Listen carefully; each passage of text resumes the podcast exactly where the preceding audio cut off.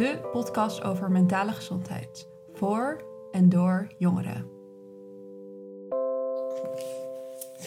Hoi allemaal en leuk dat je weer luistert naar een nieuwe aflevering van de Gedachtegang. We zijn een tijdje weg geweest, want we zitten midden in de zomer. Maar vandaag zijn we er weer. Uh, ik ben Joël en ik zit hier vandaag met een gast, namelijk Melissa. Hi. en wij gaan het zo meteen hebben over hormonen en verschillende manieren, manieren waarop hormonen uh, je mentale gezondheid kunnen beïnvloeden. Uh, maar eerst een leuke introductie is altijd de vraag. Hoe was jouw gedachtegang deze week? Ja, mijn gedachtegang was erg op en neer. Maar uh, op dit moment uh, best wel weer op. Dus daar ben ik heel erg blij mee. Op? Ja. Als in, ja. Het gaat weer, gaat weer wat beter dan dat het eerst oh, ging, zeg maar. Nice. En hoe was jouw gedachtegang? Uh, mijn gedachtegang, ik ben zo ontzettend, zeg maar, ik, de dagen kwijt of zo van de week dat ik echt moet denken de afgelopen week. Wat heb ik ook weer gedaan? Wat heb ik ook weer gedacht? Maar ik geloof ook wel iets beter dan de week daarvoor. Ik zat echt in een heel erg dip. En de afgelopen week was ik wel iets drukker, iets meer bezig weer met dingen ja, creëren en zo, tekenen, zingen, dat soort dingen. Um, dus ja, wel chaotisch. Wat ik echt altijd zeg op deze podcast. Anders altijd chaotisch. Ja. Maar nu ook wel iets uh, stabieler. Dus daarin herken ik me wel ja, in wat jij zegt. Fijn. Um, nou, wij zitten hier vandaag omdat ik, ik ken jou persoonlijk natuurlijk. En, um, en ik, weet, um, ik weet dat jij een ervaring hebt met POI. Zeg ik dat goed? POI? Hoe, hoe zeg je het zelf? Ja, ik zeg zelf POI. Maar okay. ik hoor wel van mensen dat ze inderdaad POI zeggen. Maar dat, poi. Vind, ik, dat vind ik raar klinken. Ja, want POF is ook iets, toch? Of is dat soort van de oude benaming? Ja, dat is de oude benaming. Okay. Uh, POI, dat staat voor prematuur ovariële insufficiëntie. Dat is een hele mond vol.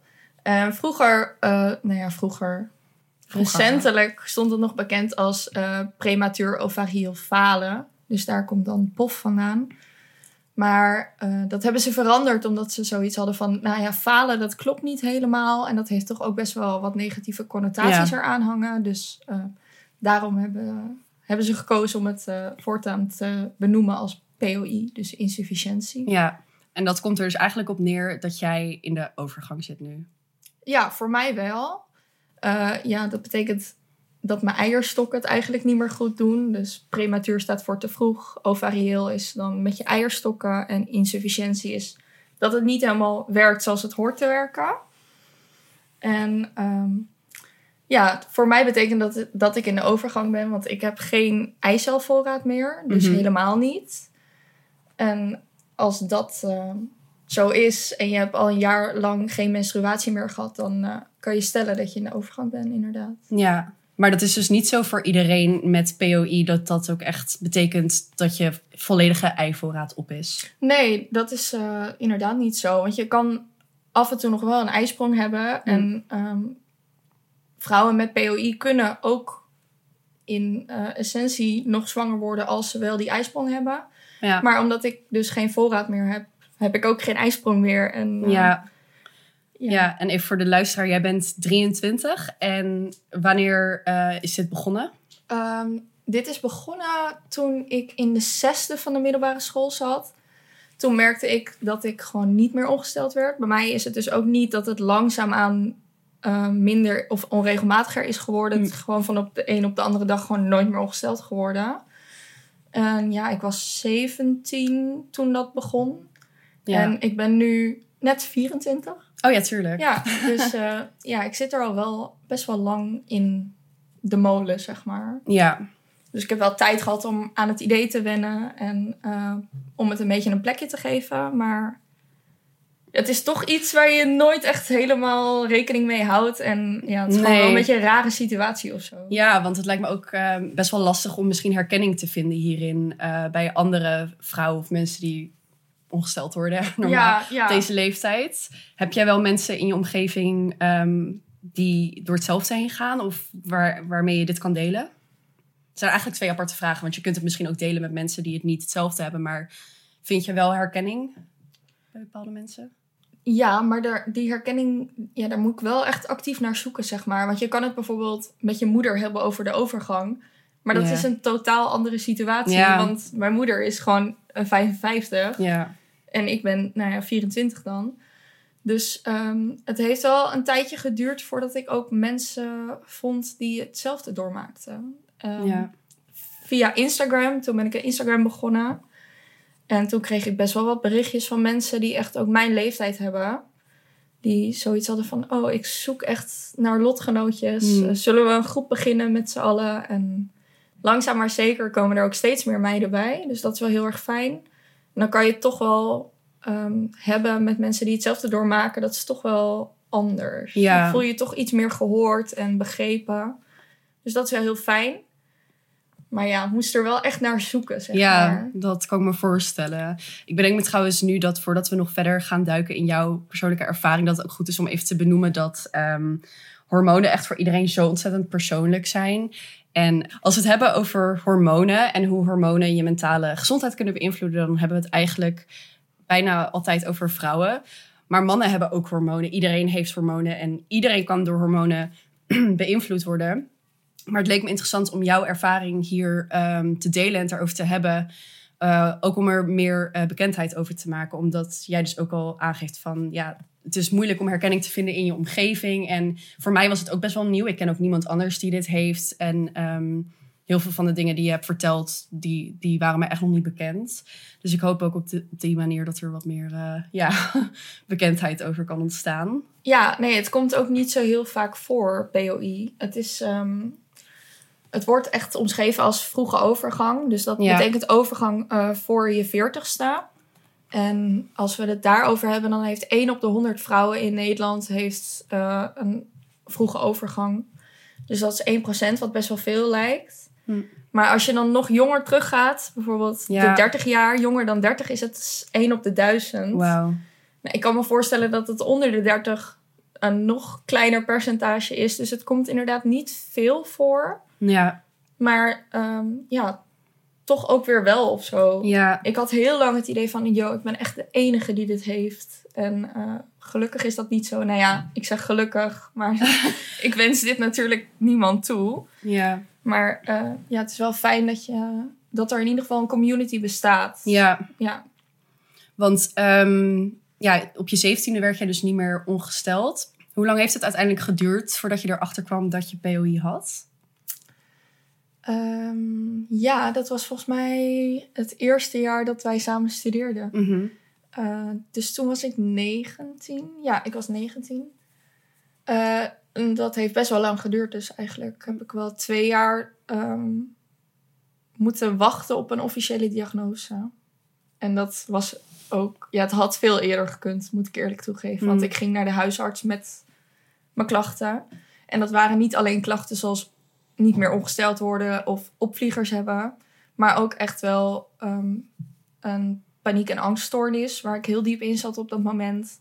En mijn haar, die begon, dat begon uit te vallen. En gewoon algehele hele slechte concentratie en dat soort dingetjes. Um, maar ja, toen ging ik naar de huisarts toe en die zei, wil je zwanger worden? toen was ik 18 toen ik daarheen ging. Toen zei ik, nou, nee. Uh, kom dan over een jaartje maar terug. Jeetje, Ja. ook helemaal niet uitgezocht of zo van wat het zou kunnen zijn dus eigenlijk. Nee. En ze maakte zich blijkbaar ook geen zorgen over het feit dat ik niet meer ongesteld werd. Ja. Ben je daar nu boos om achteraf? Dat je... Ja, nou ja, ik wil er niet boos om zijn, want ik wil daar niet zeg maar die negatieve energie in stoppen. Ja, Maar het had wel anders gekund. Vooral omdat mijn dokter ook een vrouw was, Hm.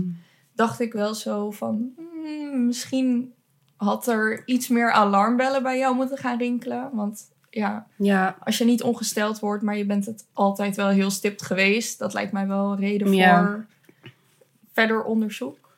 Ja, dat is natuurlijk iets heel anders hoor. Want ik heb niet uh, wat jij hebt. Maar ik heb wel ook gemerkt dat wanneer ik naar mijn huisarts ben gegaan met klachten omtrent menstruatie. Dat er zo vaak gewoon wordt gezegd van dat hoort erbij. Dat er aan al, elke scala aan klachten wat je kan omschrijven. Wordt een beetje vanuit gegaan dat het erbij kan horen. Um, en ik heb dus nu best wel sterk het vermoeden dat ik PCOS. Nee, niet PCOS, wat zeg ik? PMDD. PMDD heb. Ja. Oftewel premenstrueel dysphoric disorder. Wat eigenlijk gewoon inhoudt dat ik de, de PMS die veel uh, vrouwen die ongesteld worden ervaren, gewoon heel intens ervaar. Waardoor mijn functioneren best wel beperkt. Mhm. En ook met qua krampen en zo. Ik ben namelijk ook best wel. Ik ben tot twee keer toe met een ambulance opgehaald. Omdat ik niet meer kon praten, oud ging van de pijn en dat soort dingen. On- wel onderzocht toen ook of er misschien kiesten zaten op mijn eierstokken, dat soort dingen. Maar dat waren wel klachten waar ik ook voordat het zo escaleerde al eerder mee naar de huisarts was gegaan. Eh, en ik heb, ik heb pijnstilling voorge- voorgeschreven gekregen toen, maar dat is het ook. Er was verder geen gesprek over hoe het voor mij was of wat de oorzaak zou kunnen zijn. Het was gewoon, sommige vrouwen hebben dit nou eenmaal. Ja, super Punt. oppervlakkig. Ja, dat merk je heel vaak als ik andere mensen hoor die zeg maar ook met hormonale kla- klachten struggelen. Mhm. Dat ze echt wel ja, moeten vechten, zeg maar, voor een Ja. diagnose. Dat hoor je ook heel vaak, inderdaad, ook met vrouwen die PCOS hebben of endometriose. Dat het echt, nou, heel veel tijd, moeite kost om eh, een diagnose te krijgen. Waar ik eigenlijk best wel van schrik. Want ja, 51% van Ja, de wereld heeft een baarmoeder. En eh, dus 51% van de wereld kan daar klachten om ervaren. En Ja. dat het dan ja, eigenlijk zo eh, bazaal over wordt gedaan, dat vind ik best wel Ja. raar. Ja, ook recent nog ben ik trouwens ook naar mijn huisarts gegaan. Omdat ik dus best wel weer met wat psychische klachten die aan het opspelen zijn zit. En toen dacht ik, ik noem gewoon alvast dat ik hier dus ook mee bezig ben. Dat ik vermoed dat het daar ook verband mee kan houden. En het enige wat ze heeft gezegd is, ja, je kan aan de pil. Als je dat wil overwegen. En toen zei ik, toen, zei- toen dacht ik van, oké, ja, dat kan. Maar wil je dan niet... Ik heb letterlijk gezegd, ik heb het vermoeden dat ik dit heb. En ze heeft mij niet gevraagd naar mijn symptomen. Of waarom ik het vermoed. Of of er, of er een onderzoek was. Het was alleen maar, ja, je kan aan de pil als je dat wil. Dat rijmt, maar Ja. dat maakt het niet goed. Maakt het niet leuk ook. Nee. Nee, maar ja, ik heb ook het idee dat gewoon best wel veel van de medische kennisgeving nog steeds heel erg patriarchaal is. Ja, hè? En misschien kom ik nu uit een hele erg feministische hoek of zo. Ja, Maar- maar ik, ik zit in diezelfde hoek wat dat betreft. We doen dezelfde studie of hebben dezelfde studie gedaan en zo. Maar het, het is nu eenmaal zo, we kunnen dit ook eigenlijk bijna niet bespreken zonder dat te erkennen. Nee, dat vind ik ook. Zonder Ja. te erkennen dat, ja, dat er gewoon... Het feit dat er zo weinig over bekend is, heeft ook een reden. Namelijk dat we het blijkbaar niet belangrijk hebben gevond, gevonden om te onderzoeken in de medische wereld. Nee, ja, dan merk je wel dat inderdaad vrouwenlichamen eh, daarin achtergesteld blijven. Ja. En ehm, als we even dan weer naar het nu gaan, want ehm, de diagnose heb je nu dus al een tijdje. Ehm, hoe, hoe zou je zeggen dat POI op dit moment jouw leven beïnvloedt? Eh, nou ja, op dit moment is het eigenlijk best wel het, ja, de focus die ik heb. Ook omdat ik net uit een periode kom waarin ik best wel veel depressieve klachten had. En weer heel veel angst en paniekaanvallen. En ehm, toen ben ik van ziekenhuis gewisseld. Omdat ik gewoon merkte bij mezelf, ja, het schommelt zo erg. En ik word zo ja, moe en gewoon depressief. En af en toe ook wel echt dat ik dacht van, joh, ja, zo kan het gewoon echt niet meer verder. Dat ik zoiets had van, ik moet nu echt aan de bel trekken. En toen ben ik terechtgekomen bij het Erasmus MC in Rotterdam. Omdat Mhm. ik dat als ehm, optie van iemand eh, te horen kreeg. Dat daar ook eh, psychologische begeleiding in de basisbehandeling van POI zat. Ja. En daar ben ik nu een paar maanden. En daar word ik echt super serieus genomen. En eh, ben van medicatie veranderd. En ik word gehoord. Dus ja, het gaat nu wel beter. En ik heb nu ook wel zeg maar de zin en de motivatie om me er ook echt in te verdiepen. Omdat ik dus ook wil van dat andere vrouwen, Ja. andere meisjes die zich hierin herkennen, dat ze misschien zoiets hebben van ah, misschien moet ik ook aan de bel gaan trekken. En dat je gewoon een beetje, ja, spreading the word noem ik het maar. ja, misschien dan nu ook even een goed moment om te pluggen waar jij te vinden bent. Want jij bent er wel mee bezig met die community. En mocht iemand zich hier nu al in herkennen en denken...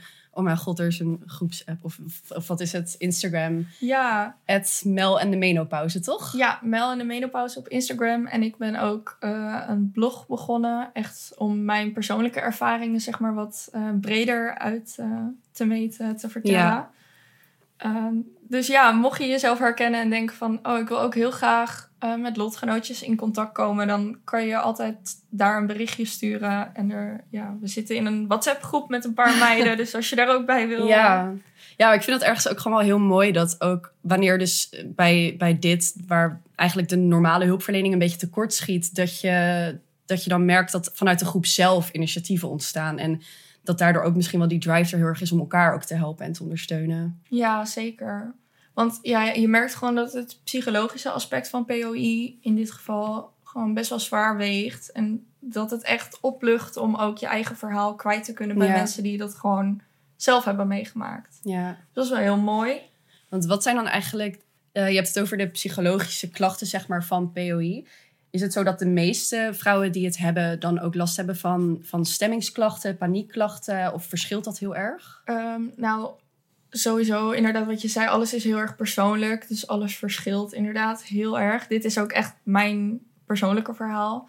Maar het is wel zo dat van de vrouwen die POI hebben ehm, en de klachten die daarbij horen, dat 20 tot 30 procent van die vrouwen ehm, ja, gewoon geremd wordt in het dagelijks functioneren. Ja, En dat kan van alles zijn. Het kan echt, ja, dat noemen ze dan vasomotoren klachten, zoals opvliegers, echt zeg maar dat soort dingen. ja, Maar inderdaad ook stemmingswisselingen of eh, laag libido of eh, ja, gewoon depressieve klachten. Dat komt wel vaak naar de voorgrond als je het erover hebt. inderdaad. ja.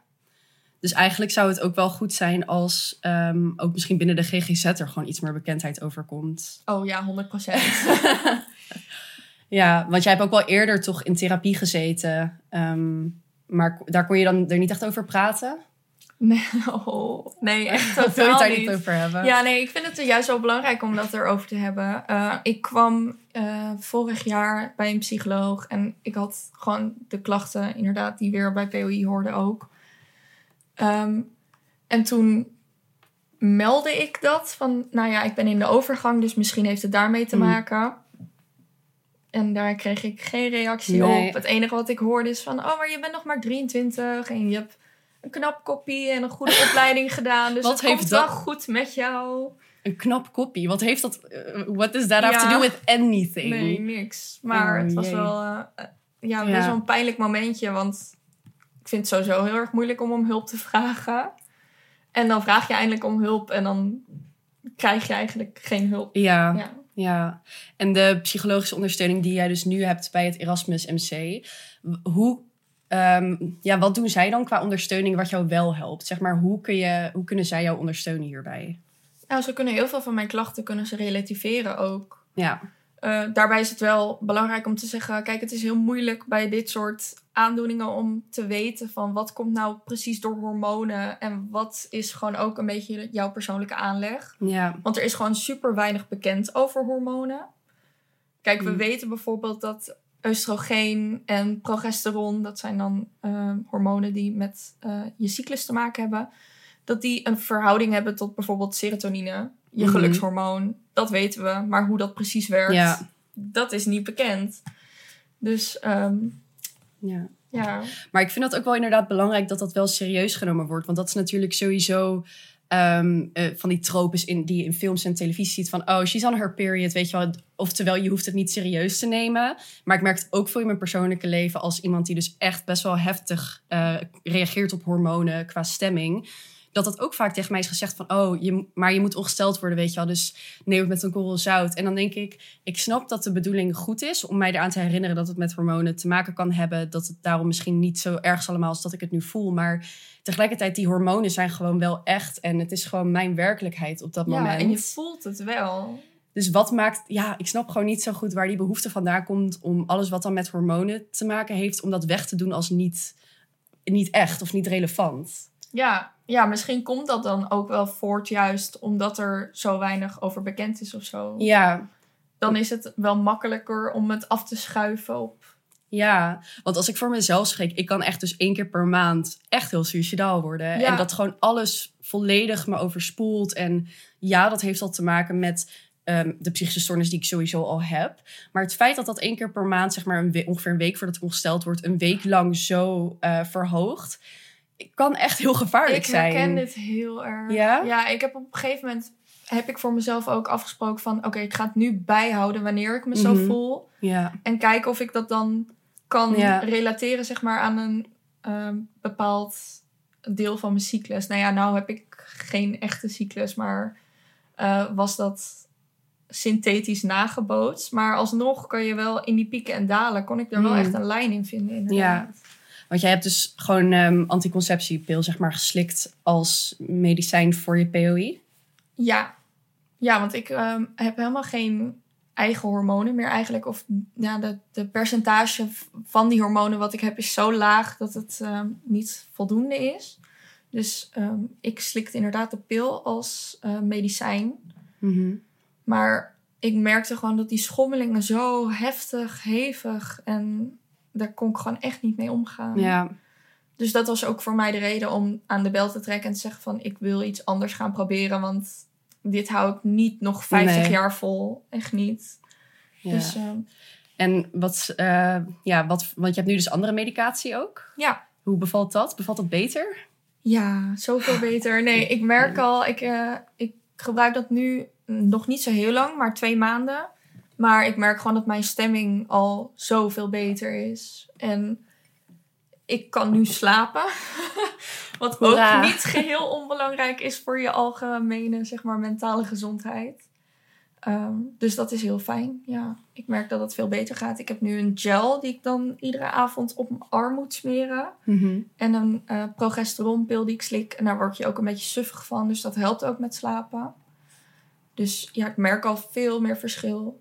Ja, plus de pil is ook synthetisch. Hè? En is dit dan niet synthetisch? Nee, dit is lichaams-eigen. Dus het, Ja. het is al Mm. veel minder heftig. Ja, En ja, ik merk wel zeker verschil. maar dat is dan inderdaad wat jij net ook al zei... dat er zo weinig eigenlijk nog bekend is over hormonen. En toch wordt de pil zo snel voorgeschreven voor allerlei dingen. Dus blijkbaar ook voor POI, maar ook voor ander soort klachten... die met menstruatie kunnen samenhangen. Of gewoon überhaupt. Ik heb ook wel eens... Weet je, volgens mij krijgen zoveel meisjes in hun tienerjaren dit ook voorgeschreven. Of gewoon als anticonceptie. Of omdat ze met depressieve of psychische klachten komen. En dan denkt de huisarts misschien dat het iets met hormonen te maken heeft. Ga maar aan de pil. Is dat niet... Nou ja, ik weet eigenlijk niet of dit een goede vraag is. Dat het misschien te snel wordt. Ja. Of met, ja, dat er niet goed over na wordt gedacht wat voor impact het eigenlijk op iemand kan hebben. Ja, omdat er zo weinig over bekend is. En toch is het best wel genormaliseerd Ja. dat jonge meisjes vooral gewoon echt ja, al best wel vroeg aan de pil zitten. Ja, ik vind dat sowieso. Want ik weet niet of je ooit even goed hebt gekeken naar de bijwerkingen Oh, van ja. de pil. Maar dat is echt een waslijst van hier tot Tokio. Daar schrik je echt van. En Ja, ja, ik vind sowieso dat het ook belangrijk is als jonge vrouw om even altijd afstand te nemen daarvan. ja ik ook. Je moet ook, bijvoorbeeld bij POI, is het zo dat als je dan de pil slikt en je hebt stopweken, dan wordt je menstruatie dus nagebootst. Dus je, Mm. ja, het is af en toe ook belangrijk om even niet de pil te slikken, om gewoon te testen van hoe is mijn menstruatie zeg maar van zichzelf, in plaats van hoe is mijn menstruatie onderhevig aan allemaal soorten pillen en hormonen Ja. die je dan van buitenaf naar binnen. Ja. ja. En dit is geen ehm, anti, anticonceptie podcast of zo hoor. Weet je, de pil werkt gewoon voor sommige vrouwen en dat is hartstikke fijn. Ehm, maar het is inderdaad wel goed om je gewoon bewust te zijn van de mogelijke ehm, eh, nadelige effecten. En ook bewust te zijn van dat we zo weinig weten. Dus als jouw huisarts het voorschrijft, dan, dan kan dat eh, een goede keuze, een goede optie zijn. Maar ook die huisarts heeft heel veel informatie niet. Nee. Nee, en het is je eigen lichaam. Dus Ja. het is altijd... Ja, ik raad het altijd aan om toch wel even eens in de zoveel tijd dan een klein beetje afstand ervan te nemen. Om te kijken, functioneert het allemaal nog naar behoren als ik Ja. het niet slik? Ja. Ik heb ook, ik heb toen volgens mij, toen ik 17 was, ben ik aan de pil gegaan in eerste instantie, of 16 misschien. Omdat ik dus heel erg veel last had, vooral van krampen en pijn en zo omtrent mijn menstruatie. En daar hielp het wel heel erg voor. voor. En ehm, het stabiliseerde mijn stemming ook wel. En omdat ik toen al in behandeling was voor mijn psychische problemen, was het een beetje zo van, ehm, dat is mooi meegenomen als dat het doet. Maar achteraf vraag ik me dus af van, stabiliseerde het mijn stemming nou echt? Of het voelde altijd een beetje alsof mijn emoties heel erg onderdrukt werden, zeg maar, door dat synthetische laagje. En ik denk dat dat ook gewoon wel een soort goede overweging is om voor jezelf te maken van... Misschien is een stabiele stemming voor jou niet de end-all be-all of per se waar je naartoe wil. Want ik had veel liever geleerd om mijn natuurlijke emoties te voelen en daar soort van gezond mee om te gaan, dan dat ik jaren aan de pil heb gezeten waarin het eigenlijk soort van wordt afgevlakt. Ja. Ehm, en dat is dus, voor jou was het juist dat het heel erg werd versterkt door de pil. Ja, de- ja, ik vind dat wel een lastige vraag. Omdat ik ook dus zo vroeg eigenlijk al in de overgang ben beland. Dat ik Ja, vanuit mijn puberteit meteen naar de overgang ging. En nou ja, de puberteit is sowieso al een hele hormonale periode waarin alles ehm, erg verandert en waarin je jezelf echt moet ontdekken. En ja, het- ik heb een beetje het idee dat die periode een beetje van mij is afgenomen of zo. Hmm. Of ik kan het niet relativeren, want ik ben van de ene mega hormonale periode in het leven naar de andere mega hormonale periode gegaan. ja, Dus ik vind het moeilijk om, ja, om zeg maar die tussenweg te kunnen snap ik. Dat is bijna ook, eh, zou je kunnen zeggen dat het een soort rouwproces is waar je nu in zit?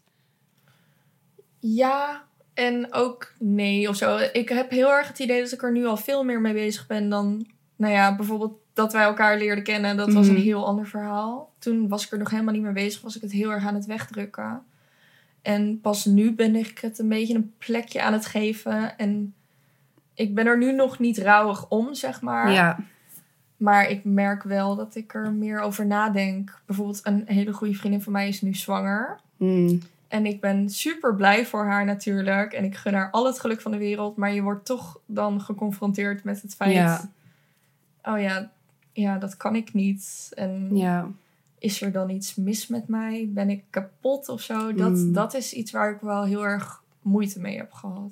ja. Ja, en dat is natuurlijk iets wat nu veel meer nog gaat komen qua levensfase waar wij in zitten. En ja, had jij, of heb jij of had jij een kinderwens om van jezelf kinderen te kunnen krijgen? Ehm, ja, vind ik ook lastig. Ik heb altijd gezegd, als ik een kindje wil, dan is dat waarschijnlijk niet mijn eigen kind. Maar eh, graag iets met pleegzorg of Mm. adoptie of zo. Maar het moment dat je die keuze niet meer hebt of zo, dan moet je Mm. het toch allemaal weer opnieuw op een rijtje gaan zetten. En ik sta nog steeds heel erg open voor adoptie. En in principe kan in vitro ook. Hmm. Eh, niet met mijn eigen eicellen natuurlijk, maar Ja. ja, ja Dat, je, dat je het wel kan dragen, zeg maar. ja, dat kan. Maar ik, ja, ik ben daar nu nog niet super erg mee bezig, Nee. zeg maar, op mezelf. Dat Is dat- komt. Is dat moeilijk om nu over na te denken? Ja, ja. Ja, want je, ja, het is toch iets dat je denkt van... Er wordt zo zwaar aan gemeten in de samenleving. Moeder worden. Hmm. En ja, er hangt zo'n waardeoordeel, zeg maar, rondom de vruchtbaarheid van een vrouw. Als in, je bent heel waardevol voor de samenleving als je kinderen kan krijgen. Maar ja, als je dat niet kan... Ja, dat Hmm. zijn gewoon van die vraagstukken waar ik dan wel mee zit. Ja, Maar ja, weet je, ik ben 24. Ik hoef nu ook nog echt geen kinderen. nee. Maar het is wel iets waar ik langzaam aan, maar zeker toch wel meer over moet gaan nadenken, denk ik. Ja, nou ja, moed. Ik, het, het is maar net wat je zelf wil. Als jij nu omschrijft wat er allemaal is gebeurd de afgelopen jaren en hoe vroeg jij dus eigenlijk POI hebt eh, gekregen, dan denk ik ook misschien dat maar even eerst verwerken. Ja. En soort van leren om mee omgaan in het hier en nu met alle klachten die je hebt. Maar ja, het is wel, eh, ik bedoel, veel mensen, ja, veel mensen van onze leeftijd denken daar natuurlijk wel over na. Over hun toekomst en wat ze daarin willen. En ik kan me, ja, nee, ik kan me eigenlijk niet voorstellen hoe dat eh, voor jou is met POI. Nee, nee, daar moet ik, dat, eh, dat moet allemaal nog komen, denk ik. Ja. Ja. en als het niet komt, is dat ook prima. Maar ja, ik neem het allemaal gewoon maar één dag tegelijk. En eh, we Ja. zien wel waar het schip strandt. Ja, en ehm, voor, je hebt dus wel een groepje eh, meiden inmiddels verzameld die ook POI hebben en waarmee je ervaringen kunt delen. Ehm, voor iemand als ik, een vriendin van jou die dit niet heeft, ehm, hoe, hoe kan ik jou of hoe kunnen andere mensen jou nou het beste steunen of jou toch gehoord laten voelen, ook al kunnen we het nooit echt begrijpen? Ehm, nou ja, gewoon het feit dat, dat ik bijvoorbeeld al mijn verhaal bij jou kwijt kan en dat je Mm. ernaar wil luisteren, dat vind ik al heel erg waardevol. Ehm, ik denk gewoon dat een lijn van open communicatie daarbij belangrijk is. Dat je gewoon laat weten aan je eh, vriendinnen, vrienden, wie dan ook, van je mag bij mij terecht. Mm. Ik kan je misschien niet begrijpen, maar ja, ik kan wel empathie voor je opbrengen. Of Ja, als je ergens mee zit, zeg het gewoon. Ja, vertel het gewoon. Ook al ligt het niet, zeg maar, in jouw eigen lijn van begrip. Ja. Dan kan je alsnog wel zoiets hebben van, ja, nou ja, ik steun je wel gewoon. Ja.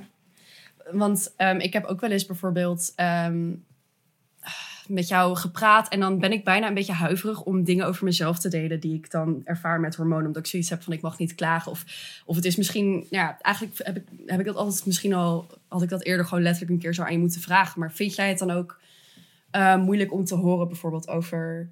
eh, vrouwen die menstrueren en, en daarover klagen of het er lastig mee hebben, zeg maar. Nou, ik persoonlijk niet. Ik kan me wel voorstellen dat misschien als het echt heel nieuw is voor iemand, dat het Ja. misschien te confronterend is.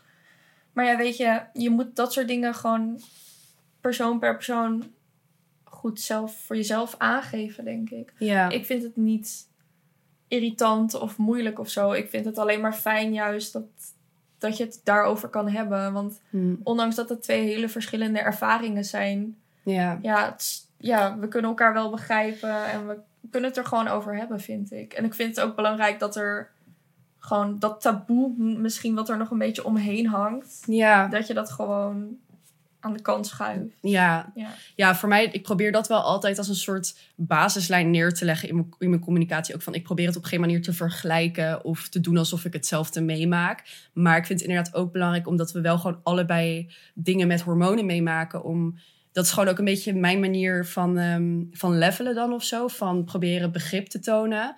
Door het ook aan mijn eigen ervaringen te relaten en het daar dan over te hebben. Ehm, ja, en ik denk sowieso dat, dat vrouwen daar veel meer onderling over mogen praten met elkaar om het te normaliseren. En ehm, eigenlijk ook met mannen.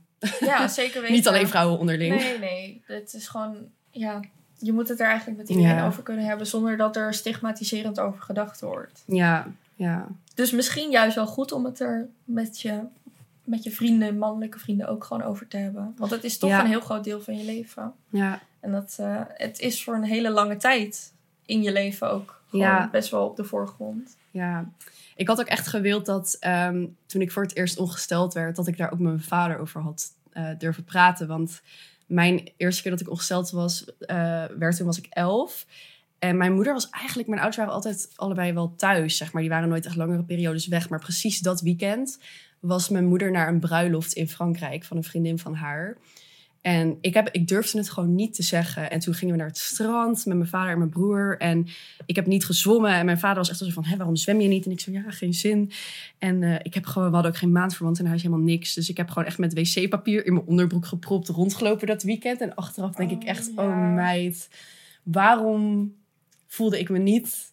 Waarom schaamde ik me zo? Ja. Waarom is schaamte zo'n enorm ding omtrent menstruatie en andere hormonale dingen? Het is gewoon niet nodig. Ja, maar ook om, ja, ik heb het idee dat er op mijn middelbare school ook bijvoorbeeld niet echt over werd gesproken. Ik denk dat bepaalde dingen, zoals zorgen dat er bijvoorbeeld maandverband in wc's Ja. liggen of zo, dat dat gewoon al kan bijdragen aan inderdaad gewoon dat idee van schaamte een beetje weghalen. Want ja, het is nergens voor nodig. Nee, in plaats daarvan is het dan echt zo in, in de les fluisteren. En van, heb jij misschien nog iets in je tas zitten Oh, of dat zo? durfde ik niet eens. Nee? Nee. Oh nee, dat durfde ik wel. Nee, ik stond echt best wel, best wel ver van mijn lichaam af toen ik Mm. 12 was of zo. Dus ik durfde het daar al niet eens over te hebben. Nee? Daarom denk ik dat het ook best wel lang geduurd heeft voordat ik, zeg maar, echt bij de dokter durfde te komen Ja. om te zeggen dat ik niet ongesteld werd. Ja, want hoe was eigenlijk... ehm, ehm, wat zijn jouw ervaringen met menstruatie toen je die nog wel had? Oef, ja, dit was heel zwaar wel hoor. Ja? nee, ik moest altijd echt, zeg maar, de mega super eh, intense OB kopen. En dan ook nog maandverband dragen, omdat ik Oh. anders gewoon echt doorlekte. En heel veel pijn inderdaad. Mm. Ik had heel veel lage rugpijn en echt krampen en hoofdpijn. En gewoon ook echt wel zeven dagen lang volledig... Ja, Sterven. gewoon eigenlijk, ja, gewoon niet kunnen functioneren bijna. Nee. Dus dat was wel heftig. Ja. Dus, maar dat, dat hoef ik nu niet meer mee te maken, zeg maar. Dus eh, dat is het enige positieve aan mijn verhaal. Is dat ik dat eh, voor mezelf eh, niet meer hoef te, Ja. te regelen allemaal. Dus dat is wel... Ja. Ehm, hoe is het eigenlijk voor jou met POI qua prognose? Als in, het is niet iets waar je denk ik vanaf gaat komen, want je eicellen zijn gewoon op. Maar is er behandeling mogelijk en hoe ziet dat eruit? Ehm, ja, er is wel zeg maar langdurige behandeling. Dat is dan HST, dus eh hormoonsupplétietherapie. Dus dat betekent dat ik wel gewoon echt op mijn vijftigste die hormonen moet bijslikken. Want ik mis dan nu heel veel oestrogeen en progesteron. En dat is toch belangrijk voor je botten, Ja. voor je haren, je nagels. Ehm, ik heb bijvoorbeeld nu ook al osteopenie. Dus dat is de voorstadium van de osteoporose. Omdat ik dus al best wel lang eh, bepaalde hormonen gemist heb... die ook voor mijn botten belangrijk zijn. Dus ik eh, moet die gel en die pillen blijven gebruiken tot mijn vijftigste. En ik slik dan ook nog vitamine C, eh, vitamine D erbij voor mijn botten.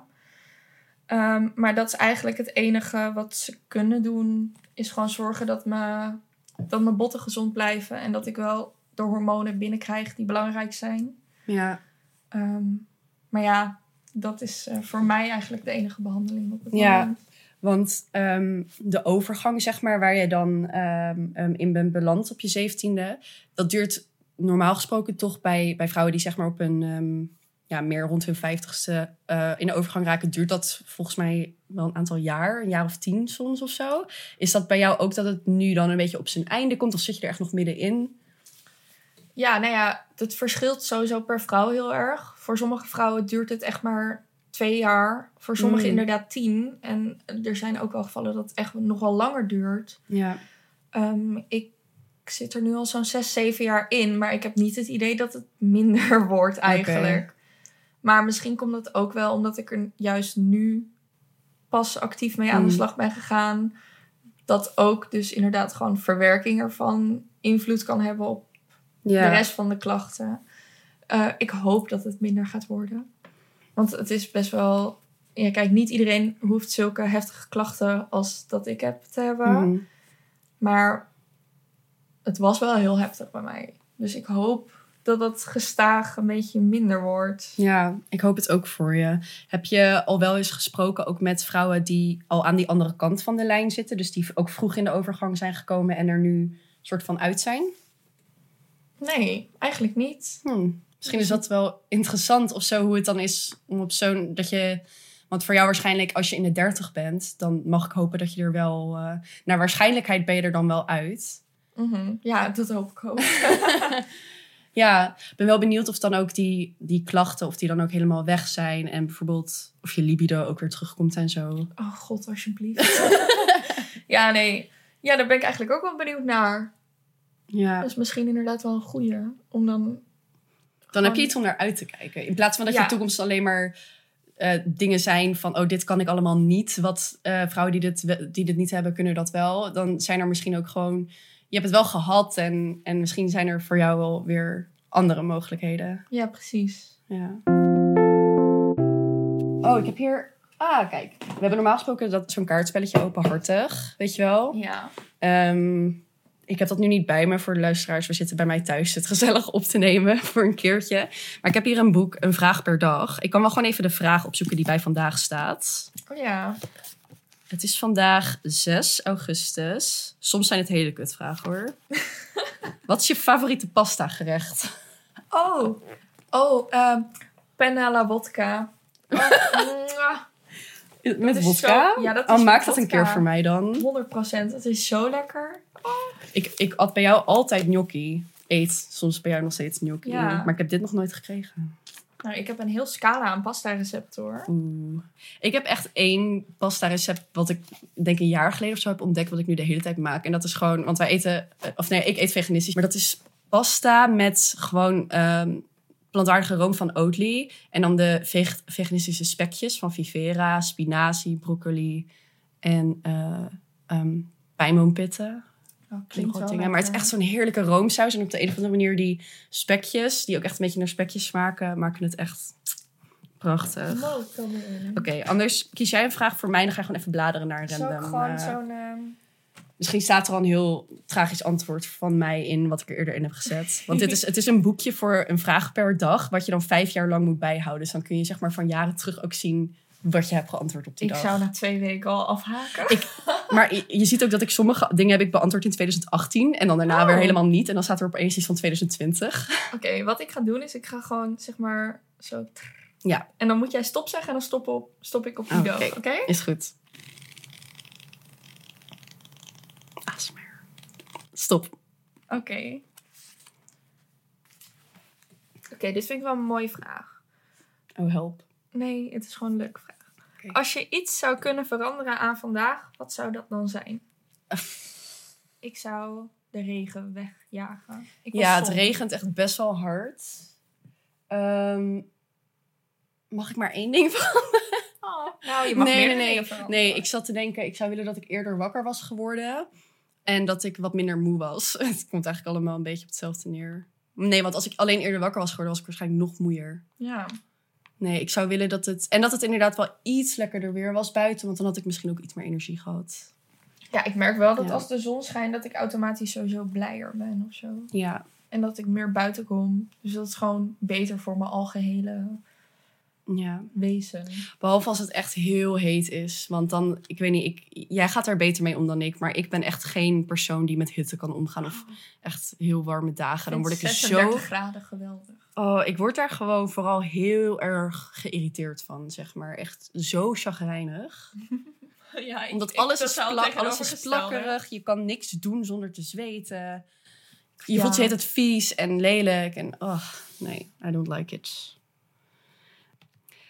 Ja, ik denk om weer even terug te komen op het onderwerp hormonen. Dat wat, wat ik zelf gewoon een belangrijke boodschap vind om mee te geven, is dat, waar we het ook al eerder een klein beetje over hadden. ehm, als je mentale klachten krijgt die met hormonen samenhangen en je wilt daarover praten, dat gewoon het fijnst is als daarop wordt gereageerd. Niet met een oordeel of met een soort goed bedoelde bagatellisering van, oh, maar het zijn maar hormonen. Maar dat er gewoon echt, ehm, net als elke andere ervaring die iemand jou vertelt, waar je je misschien niet 1, 2, 3 in kan herkennen, stel dan gewoon vragen. Of probeer, probeer gewoon te luisteren. Ehm, net als zoals, je, ja, zoals iedereen dat eigenlijk fijn vindt bij whatever je ook meemaakt. En dat, dat zou gewoon, denk ik, echt heel veel, eh, heel veel ervaringen gewoon een stuk, een stuk minder alleen maken. Ja, gewoon inderdaad openstaan voor de ervaringen van andere mensen. En durf er vooral ook over te praten. Ja, Want laten we die schaamte gewoon ervan afhalen, want het is totaal niet nodig. nee, het is echt niet nodig. Het zijn emoties, het zijn hormonen, we hebben het allemaal, maar het uitzicht bij iedereen zo anders. Ja, ja en hormonen, dat, dat had ik laatst met mijn psycholoog over. Die zei, hormonen zijn niet enkel en alleen de oorzaak van alle misère zeg maar, die je hebt. Maar het is wel een soort echokamer. Het maakt Ja. het allemaal net even wat heftiger. Dus als je je op een normale dag verdrietig voelt... voel je je met hormonen misschien drie keer zo verdrietig. Ja, Dus ja, je mag ook die dagen gewoon accepteren. En gewoon luister ook naar je eigen lichaam en wat je zelf wil. En ja, geef het ook een plekje. Laat het staat toe, zeg maar. Je hoeft Ja, niet elke absoluut. dag eh, inderdaad om negen uur op te staan en te sporten. En als je je even niet goed voelt, dan doe je dat gewoon even niet. Zeker. Doe me ook nog denken aan één laatste ding. Ehm, ehm, ik heb een vriendin die zeg maar best wel veel met... Ik heb sowieso veel vrienden die met, veel met spiritualiteit bezig zijn. Maar één vriendin in het bijzonder waar ik nu aan moet denken... die heel erg in tune leeft met haar cyclus. En zij noemt dan ook dus de dagen waarop ze menstrueert... zijn haar winter. En dan daarvoor is het haar herfst. En omdat het zo met seizoenen meegaat... Maar goed, wat, daar, wat ik daar wel inspirerend aan vind, is dat zij dus ook echt haar activiteiten afstemt op waar ze in haar cyclus zit. En als zij dus vlak voor haar menstruatie gewoon heel erg eh, moe en lamlendig is, dan gaat ze niet van zichzelf verwachten dat ze evenveel gedaan krijgt als op een ander moment in haar cyclus. Wa- Waarop dat misschien wel kan. Want je hebt gewoon een bepaald energielevel en dat wordt door superveel dingen beïnvloed. En hormonen zijn er één van. En als jij door hormonen gewoon één dag helemaal geradbraakt bent en je voelt je gewoon niet goed, dan is het oké om, om ja, daar zeg maar in te zitten. Tuurlijk kan je wel dingen doen om je beter te laten voelen, maar je mag het wel accepteren en je mag dan ook wat minder van jezelf verwachten. Ja, dat, dat scheelt al heel erg hoor. Als je die verwachting een beetje kan tunen, zeg maar. Als ik op echt een slechte dag, zeg maar, allemaal dingen van mezelf ga verwachten, dan wordt het de dag erna alleen nog maar zwaarder. Ja, ja, dus ja. gewoon luister. luister naar je lijf. Precies. Ja, en dat geldt voor iedereen. Of je nou POI hebt of niet, of PMDD, of je hebt een lijf. We hebben allemaal een lijf. Ja. Oké, nou hartstikke bedankt voor het luisteren iedereen. Eh, nogmaals, jullie kunnen Melissa vinden op eh Mel en de Menopauze op Instagram. En dus je blog, we gaan het ook even allemaal in de omschrijving zetten, zodat jullie eh, niet lang hoeven te zoeken. Ehm, wil je meepraten over hormonen, dan horen wij ook heel graag jullie ervaringen. Jullie kunnen ons ook altijd bereiken op Instagram, uh, Studio. En ehm, nou, dan zien we jullie de volgende, horen we jullie de volgende keer weer. Nee, jullie horen ons helemaal niet. Ik denk dat ze wel weten wat je bedoelt. Oké, doei.